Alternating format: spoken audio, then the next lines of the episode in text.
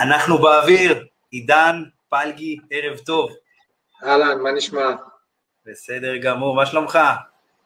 טוב מאוד, כיף להיות פה, כיף להיות איזה פה. איזה כיף, איזה כיף. שמח שיצא לנו, יצא לנו בסוף. כן, האמת שאנחנו מדברים כבר זמן מה, אה, וככה, אחת הסיבות שאני בחרתי להביא אותך הערב זה כי אני באמת אה, יודע ממקור ראשון, שהוא בעצם אני, שאתה מקצוען בכל מה שקשור בתחום ההתחדשות העירונית.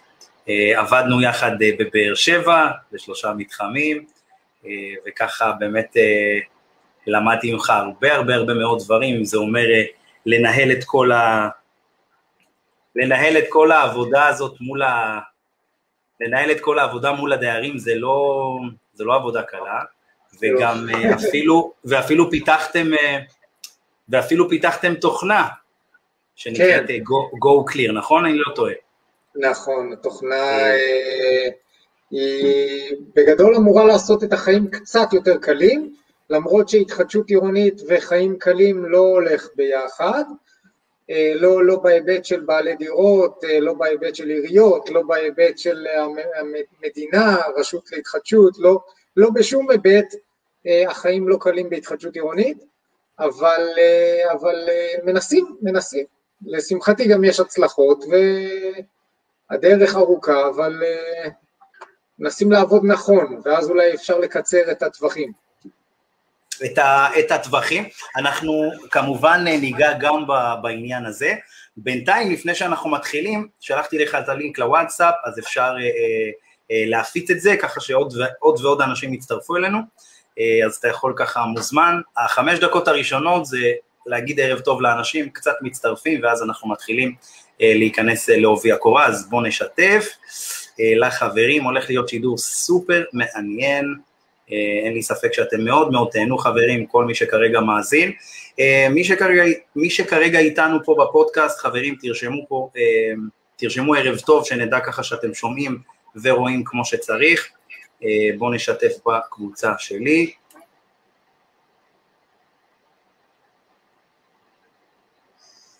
בואו נראה, התחדשות עירונית.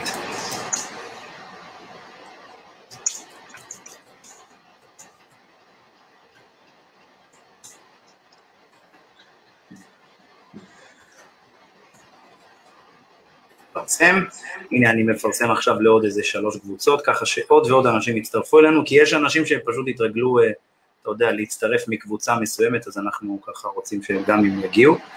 אה, בואו נפרסם לברוקר.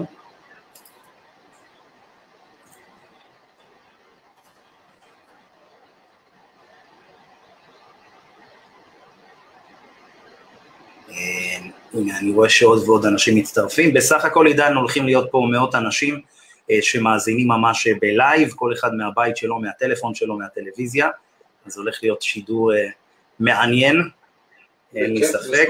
נשמח, שיקחו חלק פעיל, ישאלו שאלות, כן, בטח. נענה על מה שנוכל. כמובן שגם אם יהיו שאלות לאחר מכן, אנחנו נעביר לכם, ואתם אה, ככה אה, תטפלו בזה. אה, וגם תגיד לי לאחר מכן, ככה שנתחיל להיכנס לעניינים, אה, מה, מה בעצם אתם, זאת אומרת, איך אתם יכולים לעזור תכלס לדיירים אה, במגע הישיר, מעבר לעניין שאתה יודע שאתם מגיעים לרוב עם יזמים, נכון? לרוב כן. אתם עובדים עם יזמים, זאת אומרת, יזמים מפעילים אתכם. נכון, פסיפס למעשה נותנת שירותים ליזמים, אבל השירותים שאנחנו נותנים זה בכל נושא ההתקשרות בסוף מול בעלי, בעלי הדירות, בעלי הקרקע. זאת אומרת, אנחנו החוט המקשר בין היזם, שאנחנו פועלים מטעמו, לבין האינטראקציה עם אה, בעלי, בעלי הקרקע. אה, אנחנו לא קוראים, לא אוהבים לקרוא להם דיירים, פעם בכלל היו קוראים להם... אה, אז זה, זה מה שבאתי להגיד לך, זה כאילו, זה מעניין שאתה תמיד משתמש במילה הזאת של בעלי נכסים או בעלי קרקע, שזה מאוד מכבד ויפה, זה לא מובן מאליו. זה, זה, למה זה, אתה ככה...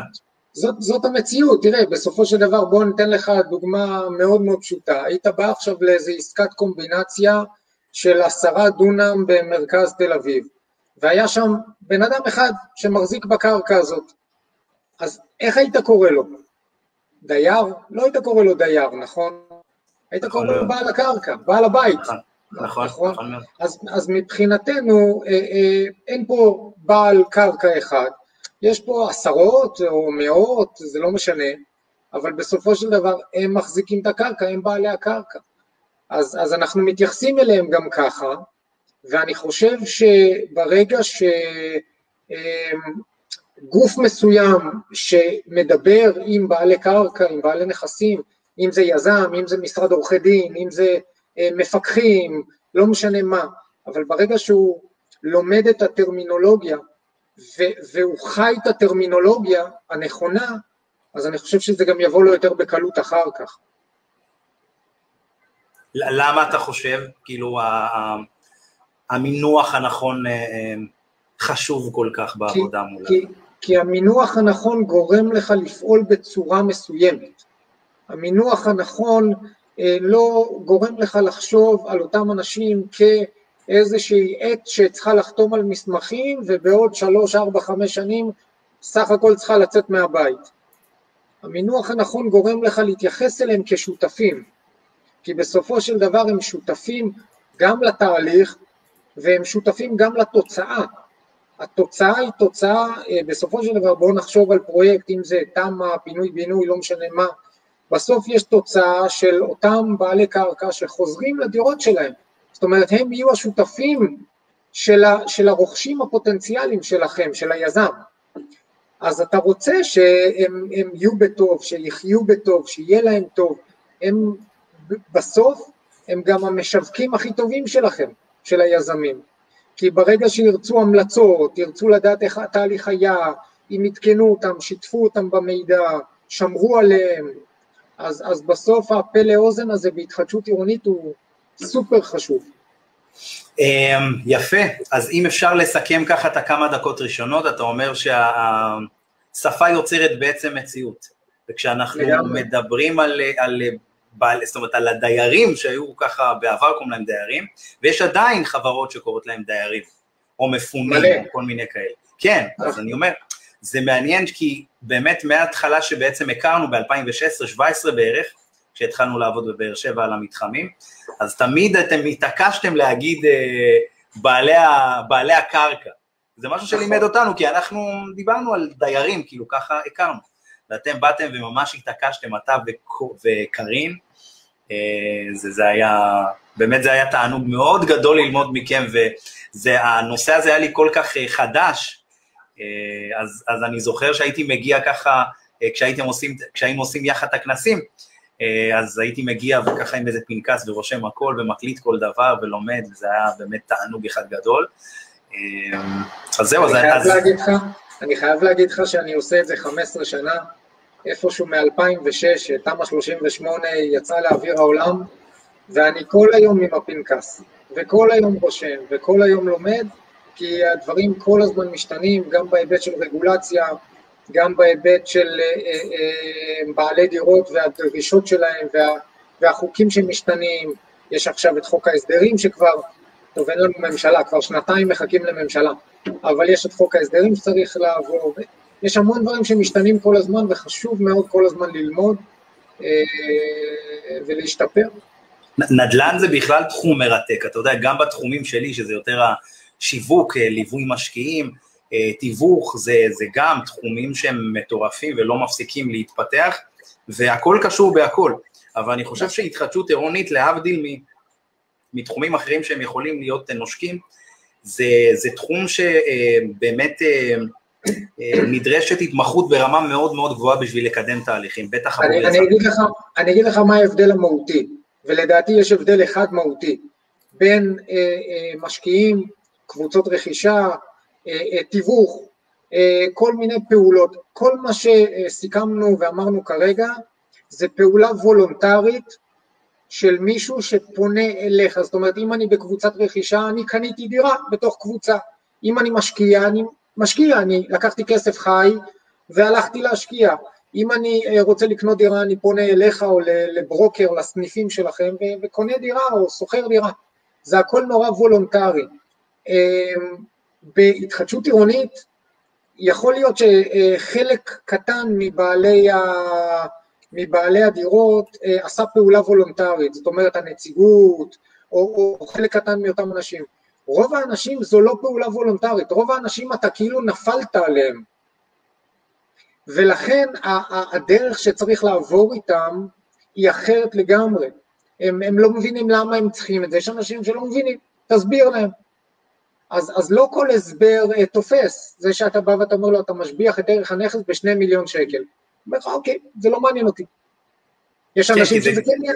כי, כי זה גם רחוק ממנו, והוא שמע מהדודים שלו שגם הם חתמו על פינוי-בינוי וזה לא עובד כבר שנים. זה כאילו הרבה מאוד התנגדויות, ואתה יודע, אני, אני כבר עשור בתחום הזה של הנדל"ן, והתעסקתי עם מאות עסקאות וליוויתי הרבה מאוד אנשים, אבל שוב, התחדשות עירונית זה דורש התמחות אחרת. Uh, כרגע אני בחרתי לא להתמחות בזה, כן יכול להגיד לך שפונים אליי הרבה אנשים, ואני בדרך כלל מחבר אליכם, כי אני באמת לא, לא מתמחה בזה. מה, ש, מה, שכן זהה, מה שכן זהה בכל התחומים, זה היכולת האינטליגנציה הרגשית. גם, נכון. במשקיע, גם במשקיעים, גם בהתחדשות עירונית, גם בקבוצות רכישה, אה, זה, זה תחומים שאתה בא במגע עם המון אה, אה, גורמים, לא רק בעלי דירות, אבל בעיקר בעלי דירות, והיכולת לקרוא את הבן אדם שעומד מולך, ולהבין מה חשוב לו ומה לא חשוב לו, יכולים להיות שני שכנים, כל אחד חשוב לו משהו 180 מעלות. אז, אה, אז אני חושב ש, שזה זה, זה קריטי להבין את, ה, את, ה, את הבן אדם מאחורי ה... תראה, העניין, העניין של האינטליגנציה הרגשית המאוד רחבה, בשביל להצליח בתחום הזה בנדל"ן, זה דבר שהוא מובנה, כי נדל"ן זה אנשים, בסופו של דבר הנכסים לא מחזיקים את עצמם. זאת אומרת, נכון. יש אדם תמיד מאחוריהם. נכון. אה, אבל אני מדבר ברמת ה... זאת אומרת, המקצועיות וברמת ה...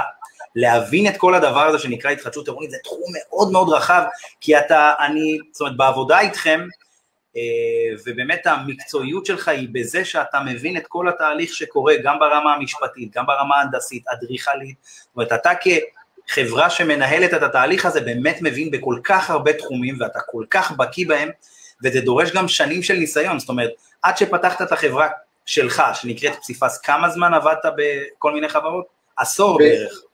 עשר כן, שנים? כן, יותר, יותר, 12, כמעט 12, 12 שנה. אתה מבין? 12 שנים לקחה לצבור את כל הביטחון בשביל להבין, טוב, אני למדתי, אני יכול לעשות את זה אולי אחרת, או שאני רוצה לעשות את זה לבד. שזה גם בסדר גמור. אתה, צודק במה שאתה אומר, התחום הזה... זה. לא, זה לא מקצוע של שנה-שנתיים, זה כאילו, זה משהו לא, שאתה... לא, אני לא חושב. כי תראה, יש הבדל בין ללמוד את הדברים ברמה התיאורטית, לשבת, לקרוא את החוקים, לקרוא את ה... לא יודע מה, אה, אה, הדברים הטכניים, אה, לבין לחוות את התהליכים. ולחוות את התהליכים אתה צריך רק דרך הרגליים.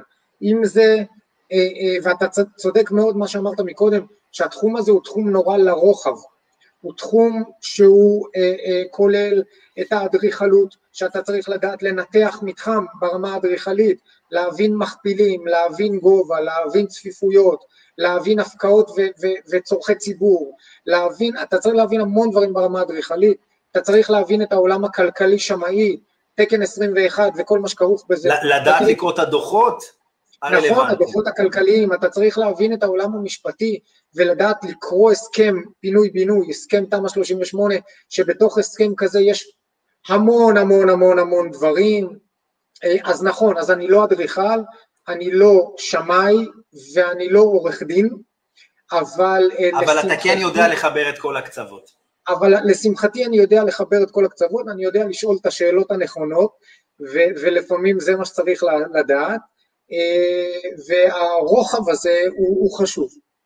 כן, זה, זה כאילו באמת דורש, אני חושב שזה אחד הענפים בנדל"ן, שזה הזמן, זאת אומרת, הזמן שלך, הניסיון שלך הוא מאוד מאוד מאוד קריטי.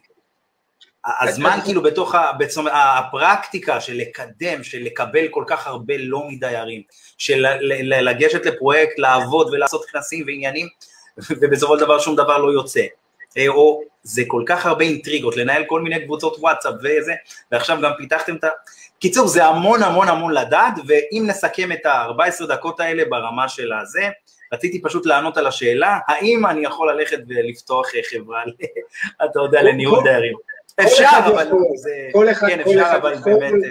אם הבן אדם יש לו את החושים לדבר הזה, דיברנו אינטליגנציה את שאר הדברים הוא יכול ללמוד, אני מציע לא לפתוח דבר כזה מאפס, אלא כן ללכת לעבוד באיזה מקום שייתן לך קצת את הכלים ותוכל מה שנקרא להתגלח עליו, ואז אולי תקופה מסוימת אחר כך אפשר יהיה באמת לעשות את זה לבד. כל אחד וה... וגודל, וגודל הזה. אתה יודע, רובין שרמה, אחד המנטורים הגדולים, הוא טוען שבשביל להיות מקצוען במשהו לוקח בין שלוש לחמש שנים. וכשאני חקר, כן, כשאני חקרתי את עולם השיווק, תיווך נדל"ן, אנשים שהצליחו בנדל"ן, זאת אומרת ברמה באמת הגבוהה, שמתי לב שחקרתי המון אנשים, שמתי לב שלקח להם בערך בין חמש לשבע שנים להצליח. באמת? אנשים. שהגיעו למחזורים של מיליונים. כן, שזה מדהים לראות את זה. אז אני אומר שאם אתם רוצים להגיע, זאת אומרת, לנהל חברה שמנהלת קשרי דיירים או דברים כאלה, אם אתם רוצים באמת להצליח, תעבדו חמש שנים באיזה מקום, חמש, הנה, עידן עבד 12 שנים, הוא עשה, הוא, הוא עשה את זה בכפולות, הוא היה תלמיד מאוד מאוד טוב, כן. ורק לאחר מכן יצא לזה, אז... או, שיכל, לצאת לפני זה, ופשוט אה, לא כן, את זה. כן. זהו, אז, בואו ככה נצלול לעניינים.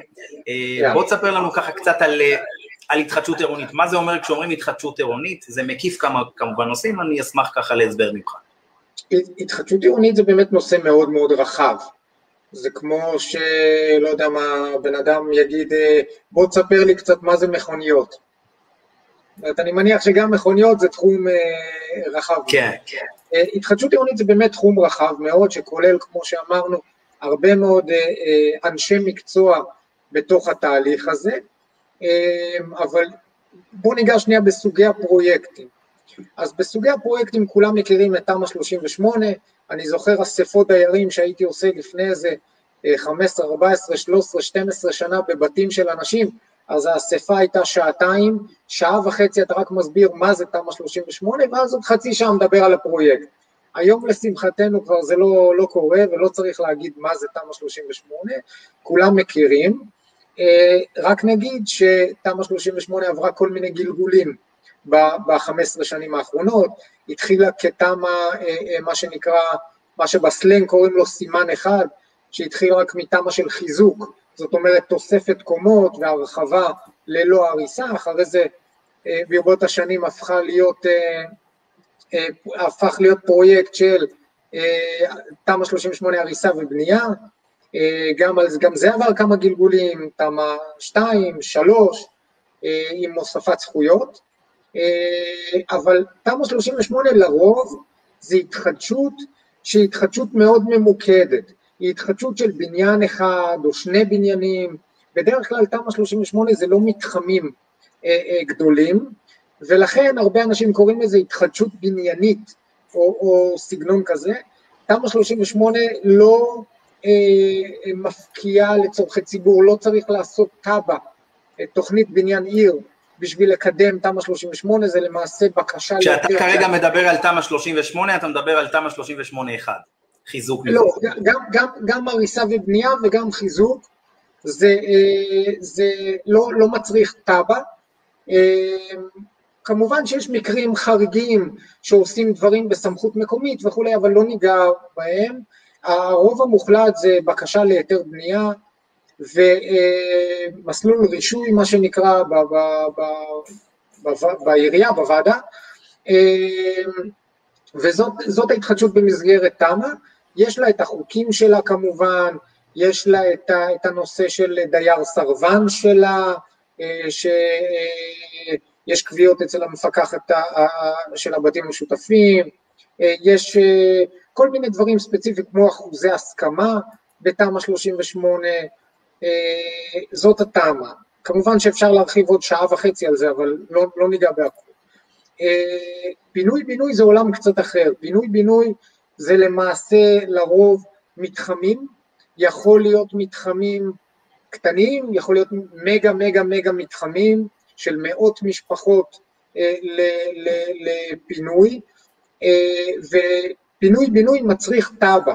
תב"ע, תוכנית בניין עיר, יש מספר דרכים לקדם את התב"ע הזאת, יש מסלול שנקרא מסלול רשויות, ומסלול שנקרא מסלול מיסוי. מסלול רשויות זה מסלול שלמעשה מי שמקדם את התב"ע זו המדינה, נקרא לזה הרשות המקומית, במימון המדינה וכולי, אה, זה מסלול שלא היזם הפרטי מקדם את התב"ע, אה, וצריך לעבור תהליך מסודר של הגשת הבקשה לרשות להתחדשות, אתה עובר סינונים, ולאחר מכן אה, ניתן לקבל את, ה, את האישור, את המימון, הרשות מקבלת את האישור ואת המימון לקדם את התב"ע, והמסלול השני זה מסלול מיסוי, זה למעשה המסלול הנפוץ יותר במדינת ישראל, שמי שמקדם את התב"ע זה השוק הפרטי, אותם יזמים שמקבלים את ההרשאה לקבל את ה, לקדם את התב"ע מטעם בעלי הדירות. מה, מה לדעתך ש... עדיף? מה, איזה מסלול לפי דעתך יהיה יותר אה, מהיר? כי אם נגיד מסתכלים על זה, ב, אה, זאת אומרת, דייר רגיל, העניין הזה שהמדינה מאחורי פרויקט מסוים זה משהו שנותן לו ביטחון, זאת אומרת נראה לי למדינה גם יותר קל להחתים דיירים כאלה, לקדם איתם נכון? זו שאלה מצוינת, יש פרויקטים אה, שהתקדמו במסלולי אה, תב"ע כאלה מטעם המדינה נקרא לזה, שזה בוועדות אה, ותמ"ליות, זה ועדות מהירות. נכון, ועדות... נכון, כמו, כמו ברחובות לדוגמה, נכון, שזה נכון, פרויקט, לדוגמה, מגה פרויקט מאוד גדול.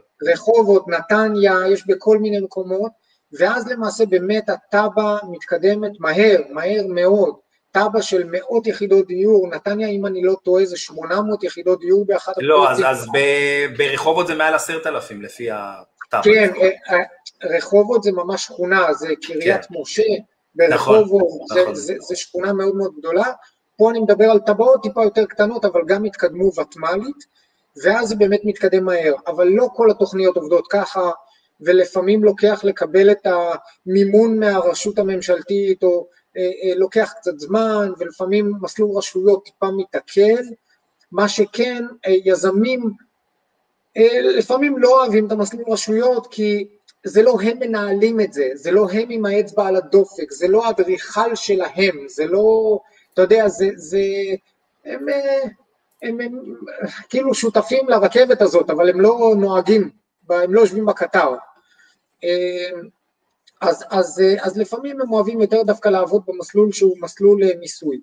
עכשיו, יש במדינת ישראל מספר רשויות מקומיות שהם אה, קיבלו אה, בעקבות תיקון 101 לחוק תכנון ובנייה, קיבלו אישור, זה נקרא ועדה עצמאית מיוחדת, ועדה עצמאית מיוחדת יכולה לאשר תב"ע להתחדשות עירונית בסמכות מקומית, זאת אומרת, אתה לא צריך להגיע לוועדה המחוזית.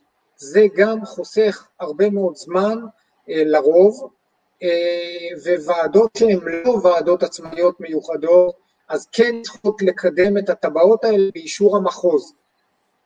אוקיי? ועדות עצמאיות מיוחדות, אם אני זוכר נכון, תל אביב, נתניה, הרצליה, אה, אה, יש, יש עוד כמה, יש עוד, עוד אה, לא מעט, כן, אני לא זוכר הכל בעל פה. Mm-hmm. הרוב לא, הרוב לא, לא ועדות uh, כאלה. ו, ופינוי-בינוי, רק לסכם את זה, פינוי-בינוי מקדמים במסגרת תב"ע, ורק אחרי זה, אחרי שהתב"ע בתוקף, מגישים את הבקשה להיתר בנייה. אז, אז מה נראה לך, אז, אז אם מסכמים את העניין הזה, אז מה, מה לפי דעתך עדיף? שיזם יעשה את זה, או שהמדינה היא בעצם אני, אני, אני, חושב ש, אני חושב שזה מאוד תלוי מתחם.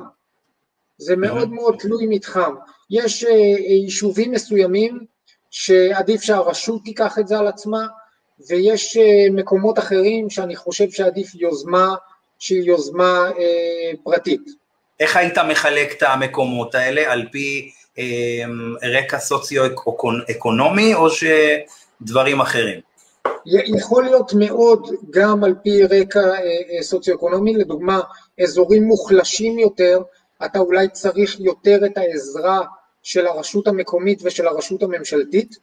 אה, לדוגמה, יש אזורים, נתת דוגמה טובה את קריית משה ברחובות, התב"ע של קריית משה ברחובות כוללת שטחי השלמה, למעשה המדינה הייתה צריכה להקטות שטחים שבהם ניתן לבנות בנוסף לשטחים הקיימים במתחם עצמו, במתחמי פינוי-בינוי עצמם, וזה, במקומות כאלה עדיף שהרשות תיקח את זה על עצמה. פרויקטים אחרים, יותר, אולי גם גדולים, אבל אה, אה, במקומות אה, בעלי אה, אה, שווי למטר אה, גבוה יותר ומכפילים נמוכים יותר, אני חושב שאפשר אה, לעשות את זה ביוזמה פרטית וזה מצליח ואין סיבה שלא.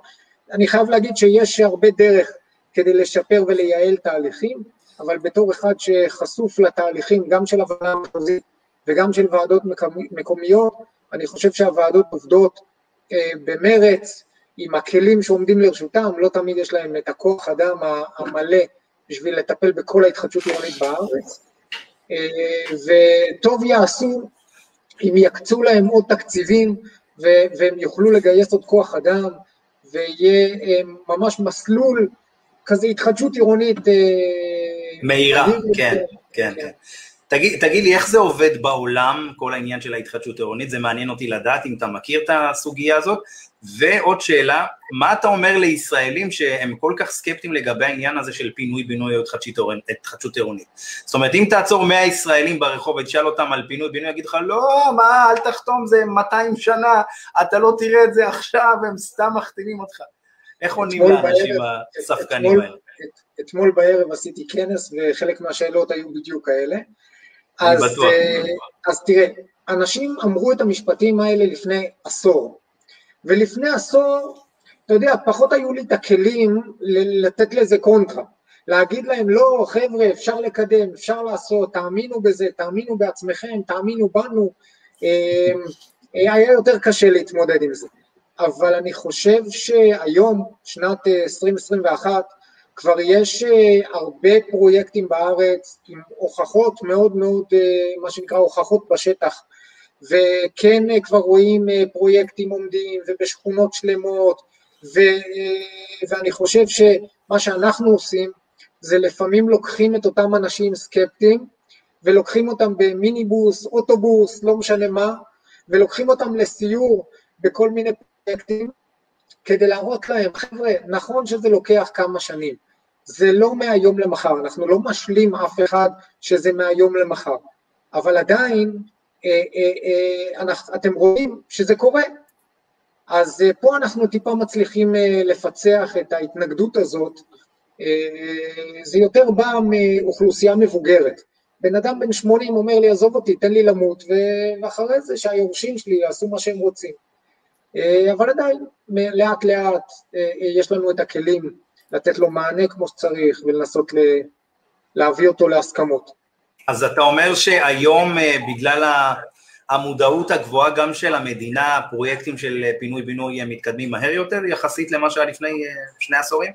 אני חושב שכן, כן, אני חושב שכן. זאת אומרת, היום... המערכות, המערכות כאילו, גם זו התחושה שלי מהשטח, שהמערכות יותר מתכווננות לזה, זאת אומרת, הן נהיות גם יותר, נהיו, הפכו להיות הרבה יותר מקצועיות, אפילו לפני ארבע שנים, כשעבדנו נכון, בבאר שבע.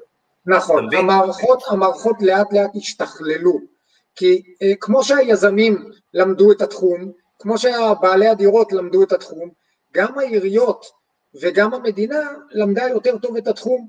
אה, אה, הרשות הממשלתית שהוקמה לא מזמן, כן, אני לא זוכר בדיוק, אבל אני חושב שמשהו כמו חמש, ארבע, חמש שנים, הרשות הממשלתית הוקמה, בעקבות אה, זה שהיא הוקמה היא הקימה מנהלות עירוניות, יש היום עשרות מנהלות עירוניות בתוך, בתוך העיריות, חלק זה בתוך העירייה, חלק זה בחברות הכלכליות של העיריות, שיש שם ממש מנהל, מנהלת של מנהלת עירונית, שתחת זה יש אדריכלים ויועצים משפטיים. יפה לראות את זה גם בערים עצמן, אה, יש בבאר שבע לדוגמה מנהלת נכון. כזאת שהוקמה לפני אה, מספר, אה, לפני סביב השנתיים בערך לפי דעתי, שנתיים שלוש הוקמה שם מנהלת ושכונה ג', אם מדברים כבר על באר שבע, פורחת בכל מה נכון. שקשור בפינוי בינוי והתחדשות עירונית, אתה רואה ממש בניינים קיימים אחד אחרי השני, ובג' בעצם נראה לי זה אחד המקומות היחידים בארץ, שטוב, באר שבע אני לא יודע כמה לקרוא לפריפריה, אבל אתה יודע, צפון דרום, אה, שזה אחד מהמתחמים היחידים שבעצם אה, אה, התחילו אותם וסיימו אותם כמו שצריך. בשכונה ג', בגלל שהיחס של המכפיל שם, המכפיל למי שלא מכיר חבר'ה זה כאילו כמה דירות הקבלן צריך, זאת אומרת מה היחס של בין הריסה לבנייה של דירות חדשות. זאת אומרת בבאר שבע צריך להרוס יותר דירות, לבנות יותר דירות מתל אביב לדוגמה. אם היחס בתל אביב יכול להיות 1-2 לדוגמה, אז בבאר שבע צריך 1-8 היום כבר, או 1-7. נכון. עכשיו, היחס, היחס בפרויקט שאני מדבר עליו, שמי שהאדריכל שם זה פיבקו, אה, אה, זה יחס של 1 ל-23, 1 ל-24 דירות, זה מטורף, זה כאילו לא היה דבר כזה, לא נראה לי יהיה. הקבלן, היזם שם, אה, נתן לבעלים, לבעלי, לבעל, לבעלי קרקע, שתי דירות. אבל אתה רואה מה אתה עושה? אתה עושה עכשיו טעות. למה אתה עושה טעות? למה אתה עושה טעות? אני אסביר לך.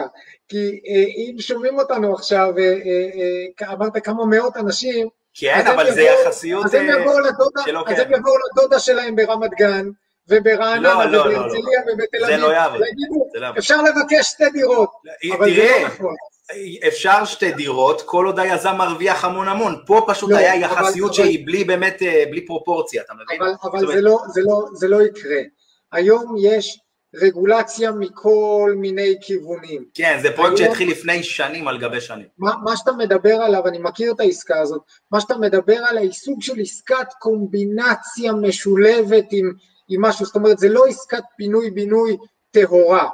אה, אה, בואו בוא נעשה סדר שנייה, ככל שערך הקרקע גבוה יותר, ככה המכפיל אה, יחידות דיור נכנס יוצא נמוך יותר.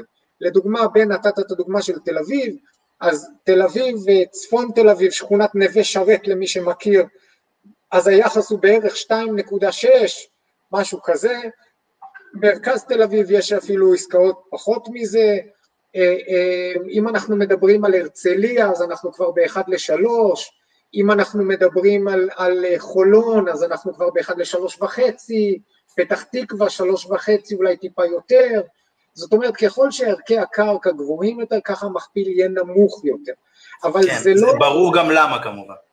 כן, אבל, אבל יש עוד כמה גורמים שצריכים לקחת אותם בחשבון. דבר שני, יש את נושא מכפיל דרך אגב, אין ספק, העסקה הזאת בבאר שבע הייתה מאוד מאוד ייחודית, זאת אומרת, קרקע מאוד גדולה, משהו שהוא לא, כן, לא. סטנדרטי בכלל. אה, צריך לקחת בחשבון את נושא מכפיל הזכויות. אנשים לפעמים שוכחים, אומרים רק מכפיל דירות, בואו נראה מכפיל דירות.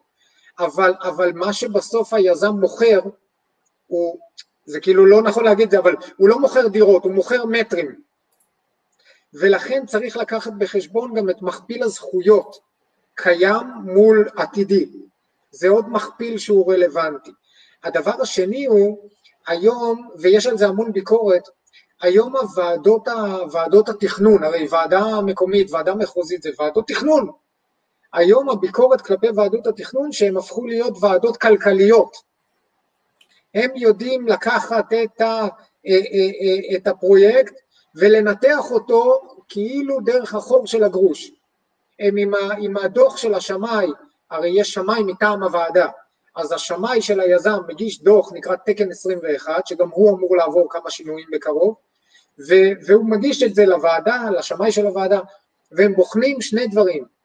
פעם אחת הם בוחנים, אה, אה, שני דברים עיקריים, פעם אחת הם בוחנים את התמורה לבעלי הדירות, פעם שבעלי הדירות לא מקבלים, אה, דוגמה, שתי דירות, פעם שנייה, פעם שנייה הם בודקים את הרווחיות של היזם, שהיזם לא חזיר ומרוויח 40 אחוז בעסקה. יודעים לשמור את היזם על הרווח המינימלי לצורך ליווי בנקאי, שהיום אנחנו מדברים על סביב 16, 17, 15, 18, 19 אחוז אה, מצד אחד, מצד שני התמורות לבעלי הדירות, תמורות ראויות. היום אה, תלוי איפה, מדברים על תוספת של אה, בין 12 מטר נגיד ל-25 מטר בעסקאות של פינוי-בינוי במתחמים בטאבה. אז, אז אה, תקן 21 עושה סדר מאוד מאוד אה, ברור בהיבט הזה. רק הערה קטנה למה שאמרת מקודם, פריפריה, אז הפריפריה לא צריכה להיות פריפריה גיאוגרפית, בגלל מה שאמרנו עכשיו, הפריפריה היא פריפריה כלכלית, כי אם אנחנו לוקחים נגיד את רמלה או לוד, שהם עשר דקות מתל אביב, נסיעה רבע שעה מתל אביב, אבל מחירי המכירה שם הם מחירי מכירה של, שלפי דעתי היום אה, לא יודע, לא יודע מה מחירי מכירה היום במדויק בבאר שבע, זה בטוח אתה תדע להגיד לי, אבל אולי רמלה ולוד יושבים על אותם אה, מחירים כמו באר שבע, אולי. באזורים מסוימים אני חושב שבאר שבע גם עברה אותם. היום דירת ארבעה חדרים בבאר שבע באזורים המבוקשים והאיכותיים, זה מגיעים כבר ל-1.8, 1.9. ארבעה חדרים חדשה. אז אז אתה מדבר על 18-19 אלף שקל למטר, נגיד דירת ארבעה חדרים 100 מטר כזאת, סטנדרטית, אז, אז אני חושב שרמלה ולוד יש אזורים נמוכים מזה. ולכן כן. המכפיל כן. יכול להיות בבאר שבע, באזור כזה, יהיה נמוך יותר אפילו מלוד. אז נכון. הפריפריה היא בגדול פריפריה כלכלית יותר, לפי דעתי, מאשר פריפריה, אה, זה מה שעוד צריך לקחת בחשבון, בהיבט של מכפילים, זה שנורא קל... תראה, אני יכול, אני, אתה נתת את הדוגמה של רמלה לוד, ורמלה לוד הן פשוט אה, ערים מאוד מיוחדות, אתה מבין? זאת אומרת, בתוך המרכז. נכון. אין עוד, אה, זאת אומרת, תוציא את רמלה ואת לוד מתוך ה... אה, מהעניין הזה של נגיד גוש דן, ואתה רואה שאתה יודע, זה, זה, זה שונה פשוט. כן, אבל, אבל גם, אזורים, גם, גם אזורים לא כל כך טובים בפתח תקווה, זה לא... נכון, יכולים להיות מכפילים שונים, נכון, סבבה. זאת אומרת, להיות... קודם כל מסתכלים על ערך הקרקע בעצם, ומשם נכון, יוצאים ל... נכון, נכון. עכשיו, עוד משהו שצריך לקחת בחשבון, זה אתה בא ואתה אומר יאללה נו נקדם פרויקט בבאר שבע ביחס של 1 ל-6 או 1 ל-7 ואני אהרוס, אנחנו עבדנו אז על פרויקטים גדולים, אני אהרוס 200 דירות או 300 דירות ואני אבנה כפול 6 זה 1,500 דירות או 2,000 דירות, בסדר? בסופו של דבר, ואתה מבין בזה אה, אה, טוב ממני, בסופו של דבר צריך לענות על ביקושים. אם פתאום אני בונה פה אלפיים דירות, פה אלפיים דירות, פה אלפיים דירות, והכל באותה שכונה ג' בבאר שבע, איך אתה מוכר ששת אלפים דירות בבאר שבע במשך כמה שנים? אתה לא תמכור, אתה לא תמכור. אוקיי, אז, אז לפעמים... כמה שנים תהיה בבעיה. דרך אגב, זה... כן. אז בגלל זה יזמים עושים מה שנקרא שלביות בתב"ע.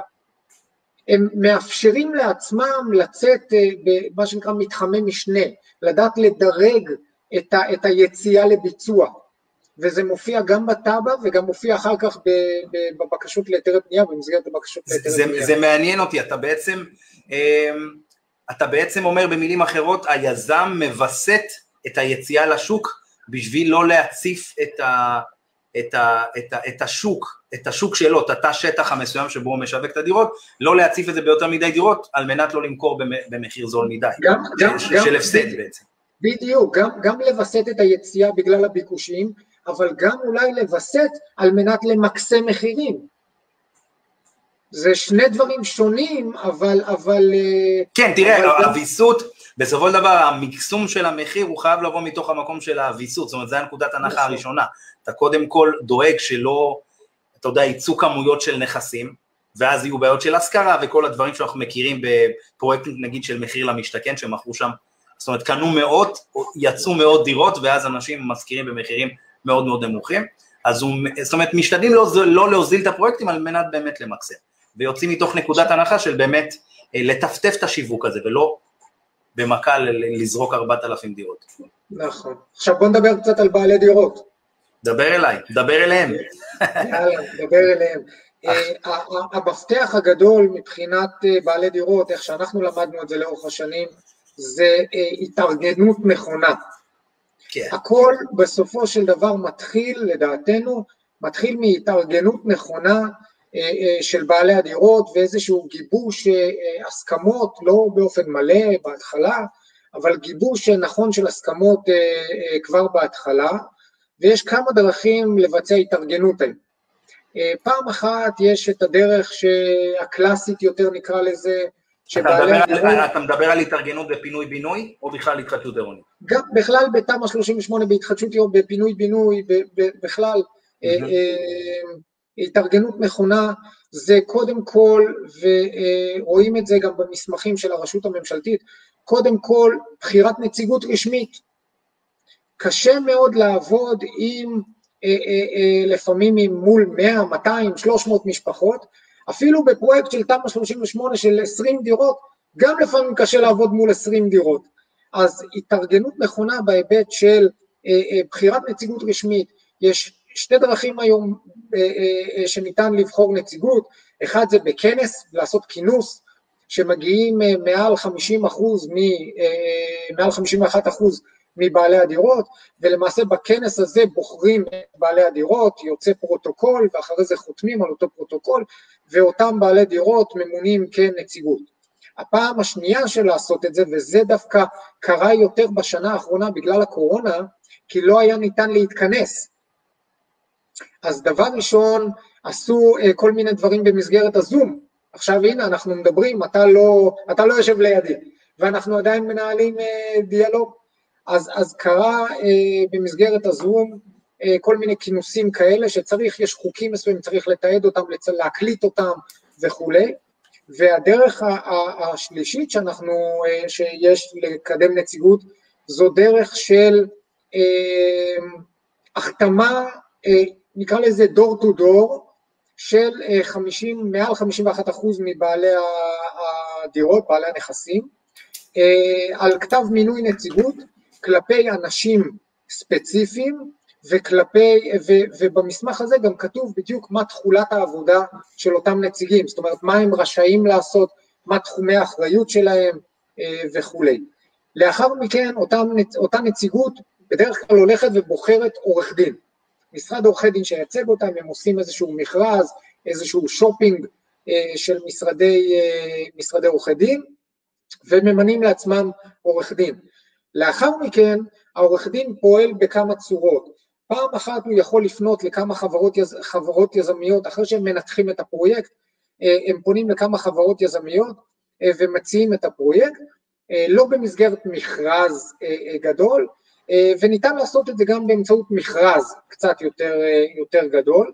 יסלחו לי כל חבריי עורכי הדין, ומי שיקח את הטלפון הנייד שלי וייכנס לאנשי קשר ויכתוב עורך דין, ימצא שם לפי דעתי איזה 500 איש, אז, אז יסלחו לי כל חבריי, אז יסלחו לי כל חבריי עורכי הדין שמקשיבים לנו, אה, אני לא חושב שלעורך דין בדרך כלל יש את ה...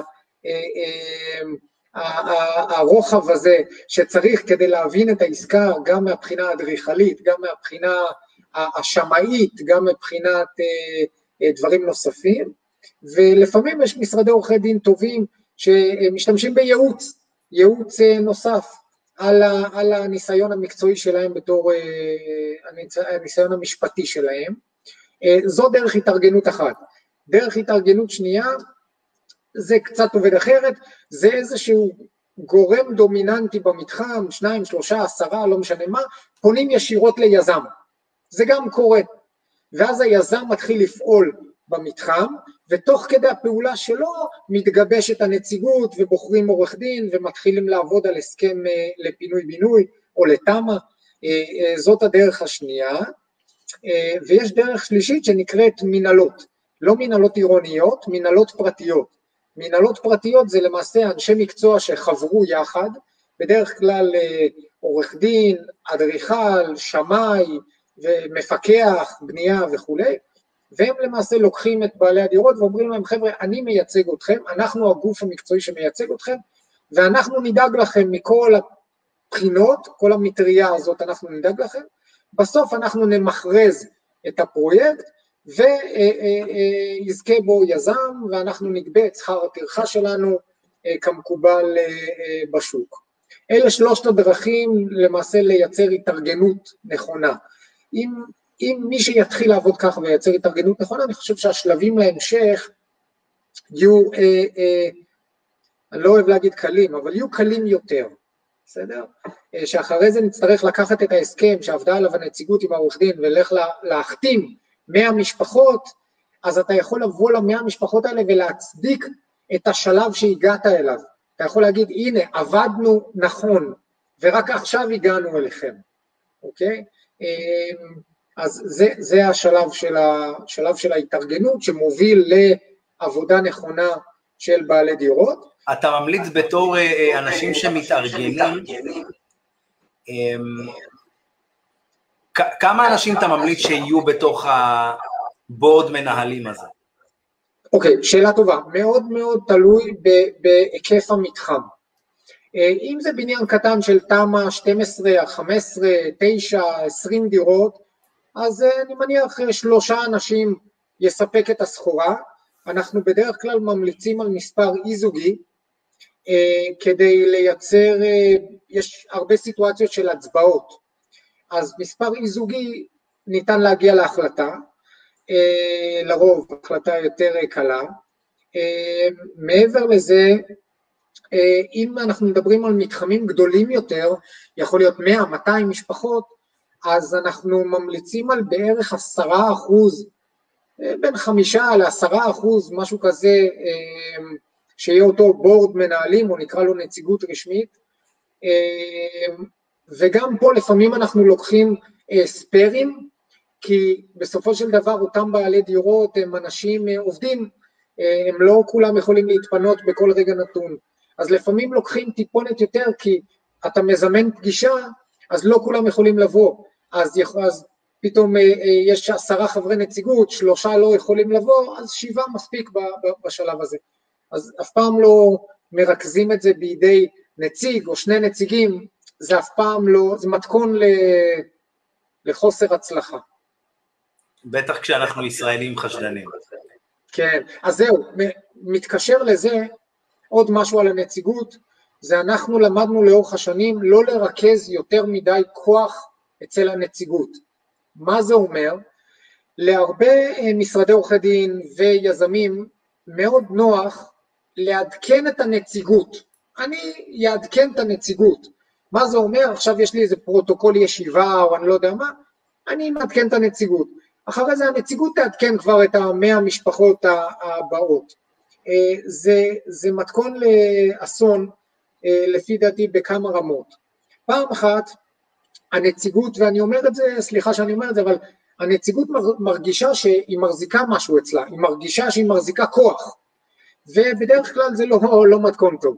אה, דבר שני, זה יוצר טלפון שבור, כי אתה לא מתקשר ישירות מול כלל הבעלים, אתה מתקשר כי נוח לך באיזה קבוצת וואטסאפ מסכנה מול אה, נציגות, והטלפון שבור הזה יוצר דיסאינפורמציה, ו- וזה לא טוב, ופעם שלישית שזה לא טוב, בעלי הדירות שהם לא הנציגות, הם מאבדים אותך בתור היזם או משרד עורכי הדין, אתה אה, הלכת לאיבוד ואתה עוד תצטרך את האנשים האלה, כי הם יצטרכו לחתום על המון דברים, על, ה, על, ה, על מסמכי הליווי לבנק בסוף, אה, הם יצטרכו להתפנות מהדירות שלהם, הם יצטרכו לשתף פעולה, ואם אתה נעלמת לשלוש או ארבע שנים או חמש שנים ועדכנת רק את הנציגות, אז, אז, אז אז לא טוב. אז כשתגיע למאני טיים אתה תיתקל בהרבה התנגדויות שלא, שיכולת לטפל בהן בדרך.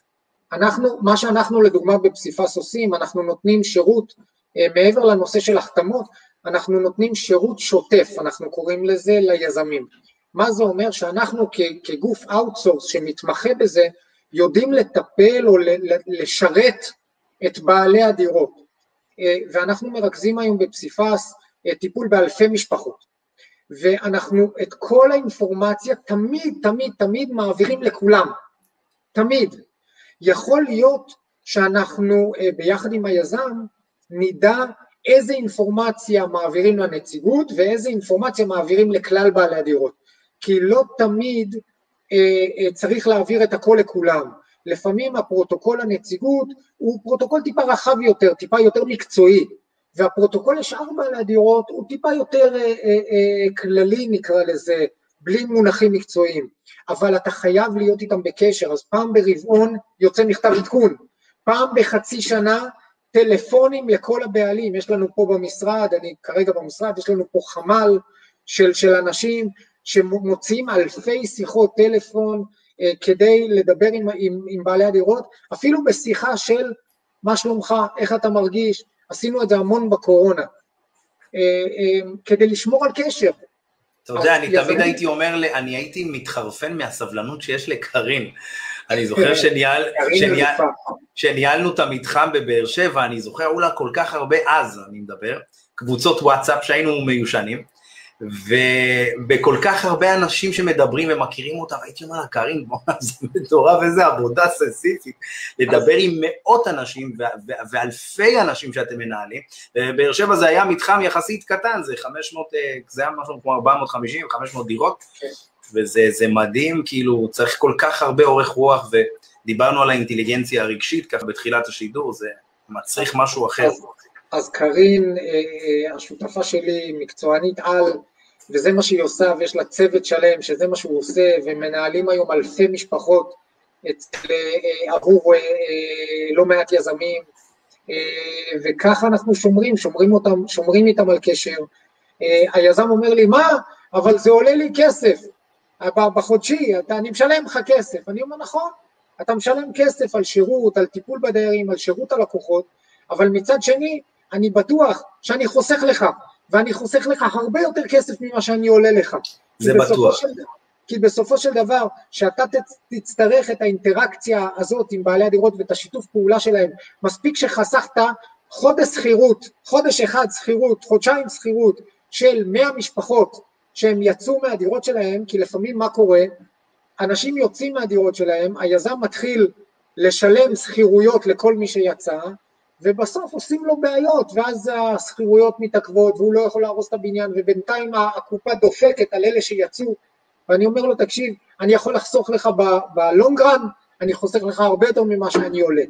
ובינתיים, לשמחתי, זה מוכיח את עצמו. בטח, כי בסופו של דבר, קראתם לחברה שלכם פסיפס, אני חושב שזה שם גאוני, כי יש פה איזה רצף של הרבה הרבה מאוד דברים, זה תכל'ס זה, כאילו, אתה יודע, זורקים פה עוד אבן ועוד אבן ועוד אבן, והאבן הזאת יוצרת בסופו של תהליך תמונה גדולה שנקראת פסיפס, ואז יוצאים דברים באמת אה, אה, מהממים, ואני חושב שהניתוח שה, המעמיק הזה שאתם עושים עם הקשרי דיירים, זה משהו שיש ללמוד אותו במכללות, אז עידן, בעזרת השם, כאשר אנחנו עושים קורסים של התחדשות עירונית, אנחנו נשמח מאוד שאתה תהיה המרצה הראשי ואתה, יש ללמוד מכם, וקארין תנהל את כל מה שקשור בקשרי דיירים.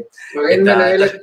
את השיעורים האלה, את השיעורים בקשרי דיירים אנחנו ניתן לקארין, את כל ההיבט המקצועי של להקיף את העסקה אנחנו נשמח שאתה תעשה. הנה, סגרנו עכשיו אה, קורס. קארין מנהלת גם אותי, זה בסדר. אני יודע, קארין זה, קארין מנהלת את העולם.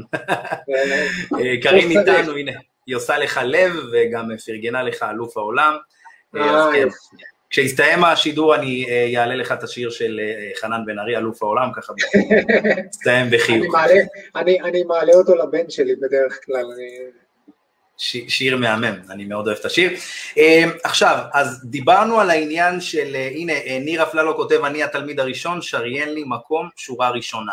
בבקשה, כן, זהו, אז יש קורס, חבר'ה, כל ה...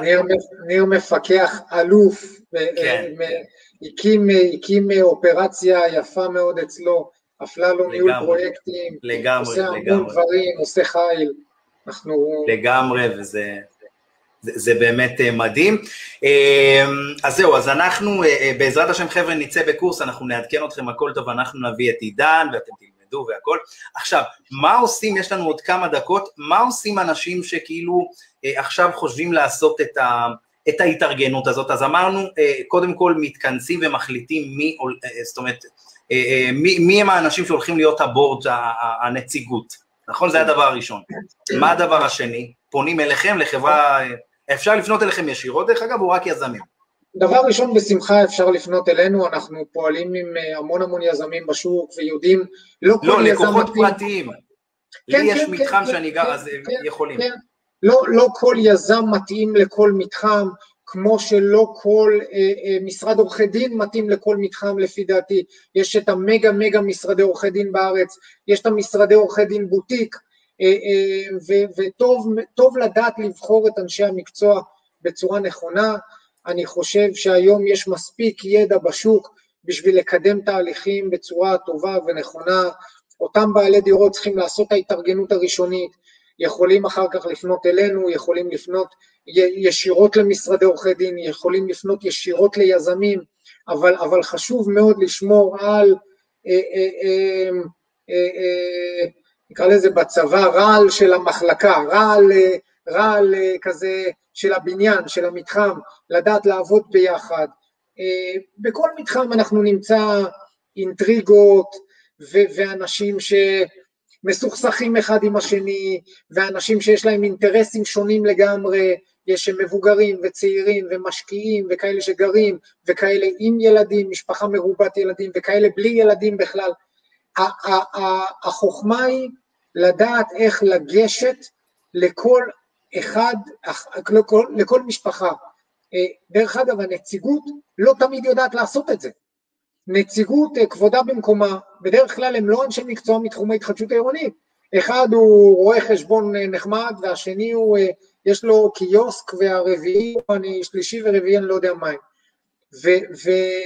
וייעוץ מקצועי חיצוני, אני חושב שיעזור מאוד לבעלי דירות לקדם את, ה, לקדם את הפרויקט בצורה נכונה. יפה, אז אה, חברים, מי ששומע אותנו עכשיו ומי שישמע אותנו לאחר מכן, במידה ואתם צריכים Uh, במידה ואתם צריכים חברה מקצועית שתלווה אתכם, אתם יכולים פשוט להתייעץ עם עידן, הם uh, נקראים פסיפס בפייסבוק, אתם יכולים לכתוב להם והם uh, יפנו אליכם. אתם עובדים בכל הארץ, כן? אנחנו עובדים בכל הארץ, אנחנו עובדים מירושלים, בית שמש במזרח, קריות, uh, מרכז הארץ כמובן, כמעט בכל עיר, uh, גם uh, דרומה, עובדים על כמה מתחמים. לא במטולה אילת כרגע, אבל, אה, אבל כמעט, כמעט, כמעט ברוב המקומות האפשריים לקדם התחדשות בארץ. וואו, בוא, בוא נגיד שהאוטו שלך נוסע המון, אה? כמה, כמה קילומטראז' האוטו שורף בשנה, זה מעניין אני עושה, נראה לי עברת את, את הנהג מונית הממוצע. אני, לא, לא עד כדי כך, אנחנו, הנה, נכנס, נכנס כל הנושא של זומים עכשיו, אז אפשר לחסוך דלק, אבל, אה, אבל לא, אנחנו, אנחנו נוסעים הרבה ועושים הרבה, ו... ומחר בבוקר אני בקריות, ואחרי זה בנתניה, ואחרי זה תל אביב, ויום ראשון אנחנו בירושלים, וכן, נוסעים, נוסעים לא מעט. אתה יודע, זה מדהים, כשהיית מגיע, מי שלא יודע, עידן גר אה, ברמת השרון, וכשהיינו עושים את הכנסים בבאר שבע, היית תמיד מגיע רענן, זה תמיד היה מדהים אותי, כאילו כלום לא קרה. והיית אומר לי, כן, בבוקר הייתי בחיפה, ואז בזה, ואז בזה, הכל בסדר, אחרי זה, זה מטורף. מטורף. כן. קודם כל, איך האישה שלך מתמודדת עם הטירוף הזה? זה קשוח מאוד, אה? מפרגנת לך.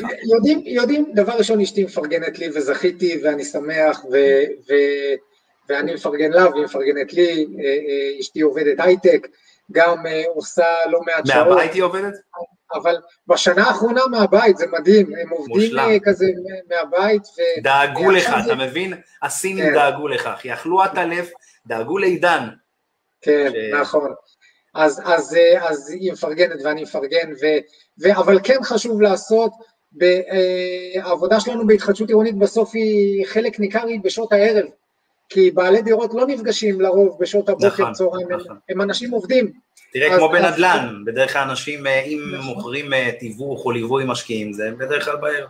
נכון, כי אנשים נכון. או שוכרים, בדרך כלל מסיימים, אתה יודע, זה 9-5 או 8-4. אז זה ה... נכון.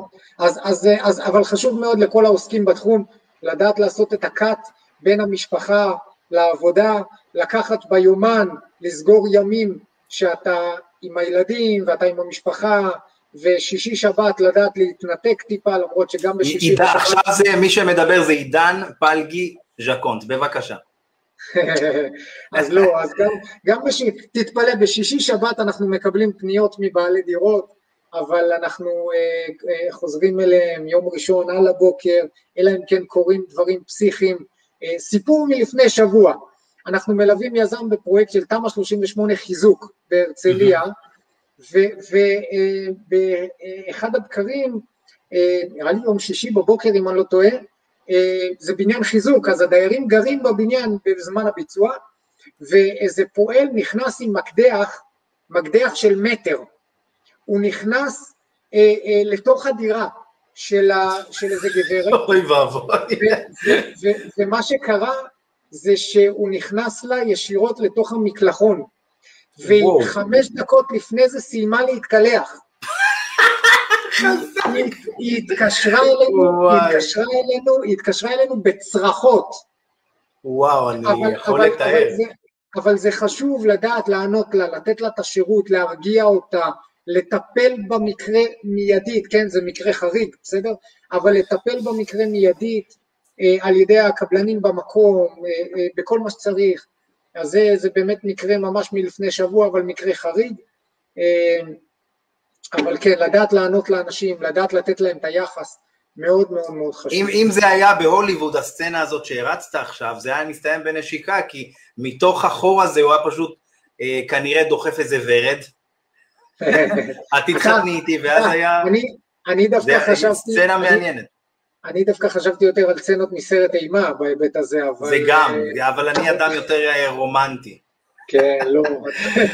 אה, זהו, תראה עידן, אנחנו כבר שעה, אתה מאמין שככה טסה השעה? עבר בטיל. היה עבר ממש ממש בטיל. אה, יש עוד איזה כמה שאלות של אנשים פה, אז בואו נענה להם. אה, אנשים מאוד נהנים, אה, עידן, יש פה מעל 100, יש 155 אנשים, זה מדהים. זה נושא שהוא מורכב והעמקנו פה, אז זה כיף גדול, זה יגיע לאלפי אנשים.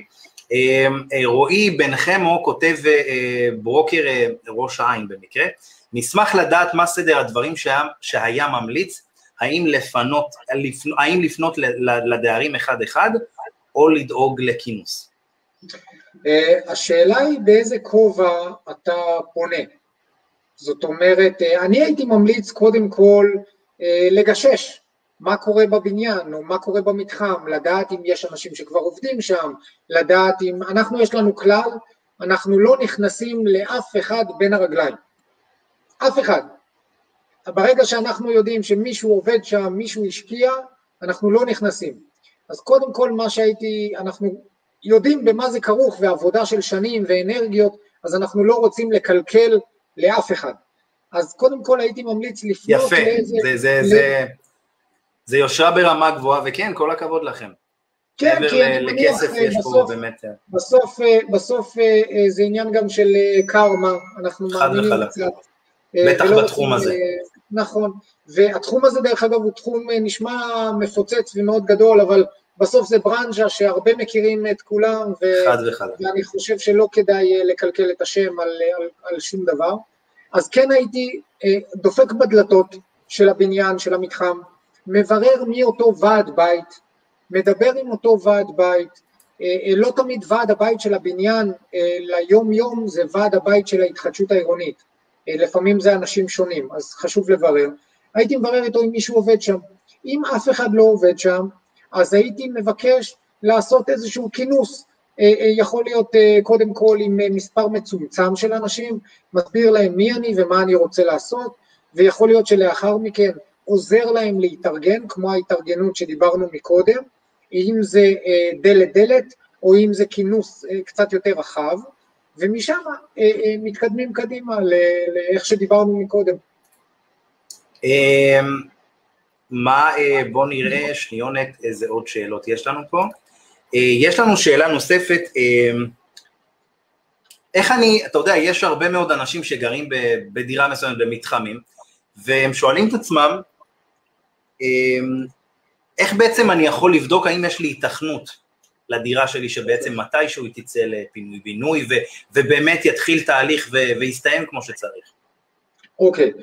אז, אז אה, שאלה מצוינת. אה, דבר ראשון, לתמ"א 38, לדוגמה, יש זכאות מסוימת לבניין.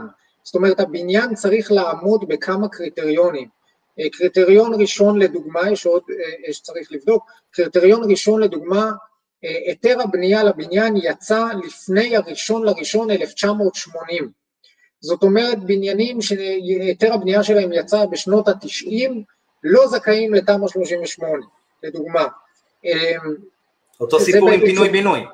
זה, זה בהיבט של תמ"א. פינוי-בינוי זה טיפה אחרת, כי פינוי-בינוי עושים תב"ע, ולמעשה כן אנחנו מוצאים ממתחמים שנכנס איזה בניין, שניים, שהם כן אחרי 1980 והם יותר חדישים, אה, כדי לייצר את ה... את ה זה נקרא קו כחול, כדי לייצר את המתחם היותר נכון מבחינת, ה, מבחינת העירייה, או מבחינת היזם, או מבחינת בעלי הדירות עצמם. הדבר השני שהייתי ממליץ לעשות לאותו אה, בן אדם ששאל, אותו... זאת אומרת, זאת אומרת, רגע, רק חשוב שזה, נסביר את זה, זאת אומרת שאם יש איזה שניים, שלושה בניינים, שלא עומדים בתקן הזה של 1980, והם חלק ממתחם, מהקו הכחול הזה שהגדרת, אז בעצם הם יהיו חלק מהפרויקט של הפינוי. לא תמיד, אבל יש מתחמים... אבל יש מקרים כאלה. כן, זה, בדרך כלל זה לא מתחם קטן של שלוש, שלושה ארבעה בניינים. כן, זה מתחמי... זה מתחמים יותר גדולים, שכן יכול להיכנס איזה בניין שהוא כאילו לא עומד בקריטריון של התמ"א, אבל זה לא מעניין, כי זה לא בתמ"א, זה בפינוי-בינוי, אז, אז זה, מתח... זה עובד קצת אחרת. Mm-hmm. כן הייתי ממליץ לאותו בעל דירה ששאל, אה, גם לגשת לעירייה. בעירייה יש... לבד לגשת לעירייה או בעצם? כן, כן, כן, למנהלת העירונית יש, אה, אה, אה, המנהלת העירונית למעשה הוקמה לשמש כצינור מידע עבור בעלי, עבור התושבים שלהם אה, וגם עבור יזמים מהצד השני. אבל הייתי ממליץ לאותו בן אדם לגשת למנהלת העירונית במידה ויש, במידה ואין אז לגשת למחלקת ההנדסה, ואפשר ללמוד הרבה דברים במנהלת ובמחלקת ההנדסה, לדוגמה יש מסמכי מדיניות לשכונות מסוימות, בערים מסוימים, אה, יש מסמכי מדיניות לצירים ראשיים, לדוגמה ציר ז'בוטינסקי, אז יש מסמך מדיניות לציר ז'בוטינסקי, יש כל מיני דברים שאפשר ללמוד אה, מטעם אותו בעל, בעל דירה. במידה ונתנו לו את האור הירוק הזה, וגם ברמה הטכנית, החוקים, וגם ברמה של העירייה וכולי, אז הייתי מתחיל את הנושא של ההתארגנות. תראה, ניגשתי לעירייה, קוראים לי משה, וניגשתי לעירייה והבנתי שיש, זאת אומרת, הבניין שלי עומד בתנאים של, ה, של הפינוי-בינוי, 1980 ובניין ישן וכל הדבר הזה. עכשיו, איך אני בודק האם באמת יש היתכנות כלכלית לסיפור הזה? כי בהנדסה לא יגידו לי האם יש היתכנות כלכלית. זאת אומרת, צריך לבוא יזם, ואתה יודע, להציג את כל הדברים, ודוח אפס, וכל מה שאנחנו יודעים. אז איך אני בודק את זה, והאם בדיקה כזאת עולה לי כסף, על ידי חברה נגיד מקצועית כמו שלכם? אז, אז ככה, אתה, אתה צודק, בעל דירה בסופו של דבר לא יעשה או לא ישקיע לפי דעתי אה, בדוח כלכלי, אה, ו, ועוד משהו אני אגיד, בעל דירה לא תמיד מבין את המתחם. לדוגמה, אני גר ברחוב הרצל, מספר X, וניגשתי לעירייה, ובעירייה אמרו לי, אחלה שאתה גר ברחוב הרצל X, אבל המתחם שאנחנו רואים ב vision שלנו זה גם הרצל, אה, אתה גר בהרצל 2, זה גם הרצל 4, 6, 8, 10, 12. זה המתחם שאנחנו חושבים שצריך לקדם מבחינת העירייה. למה? העירייה חושבת על הרבה דברים כמו אה, הפקעות של שטחים לצורכי ציבור וכל מיני דברים כאלה. ולכן אותו בעל דירה לא ידע לעשות את החש... אלא אם כן הוא שמאי. אם הוא שמאי אז הוא ידע לעשות כנראה את הבדיקה לעצמו. אבל הוא לא ידע כנראה לעשות את הבדיקה האמיתית לאותו קו כחול. אה, מי שבסופו של דבר אה, יעשה את אותה בדיקה זה היזם שאתה הזמנת לתוך התהליך באמצעות מכרז, עורכי דין, לא משנה מה, הוא יעשה את הבדיקה לעצמו, ואז הוא יוכל להציע לך את אותה הצעה לפרויקט מסוג התחדשות עירונית. יש בשלב מסוים בתהליך, לא בהתחלה, בשלב מסוים בתהליך יש נציגויות שמבקשות מהיזם לממן עבורם שמאי. ויש יזמים שזורמים עם זה ומממנים שמאי לצורך הבדיקה או לצורך המשא ומתן. אה, אז במילים אחרות, במילים אחרות קשה מאוד להעריך, זאת אומרת אם הבניין שלי הוא אם הדירה שלי היא במתחם שהוא כלכלי עבור יזמים, כי אם זה לא יהיה כלכלי הם לא יגיעו. זאת אומרת, אנחנו צריכים לחכות לאיזה טובה שהמדינה אנחנו, תעשה לנו על מנת, אנחנו, על מנת לצאת לפרויקט הזה. אנחנו צריכים לחכות לאיזשהו מבחן התוצאה. זאת אומרת, להזמין את אותם אה, כאלה, נקרא לנו השותפים של אותם בעלי דירות, שזה היזמים, ולהבין מהם אם יש עסקה או אין עסקה. אם אתה תצא לשוק ויזם אחרי יזם אחרי יזם יגיד לך, לא בשבילי זה לא כלכלי, אז כנראה תבין ש, שאין פה עסקה.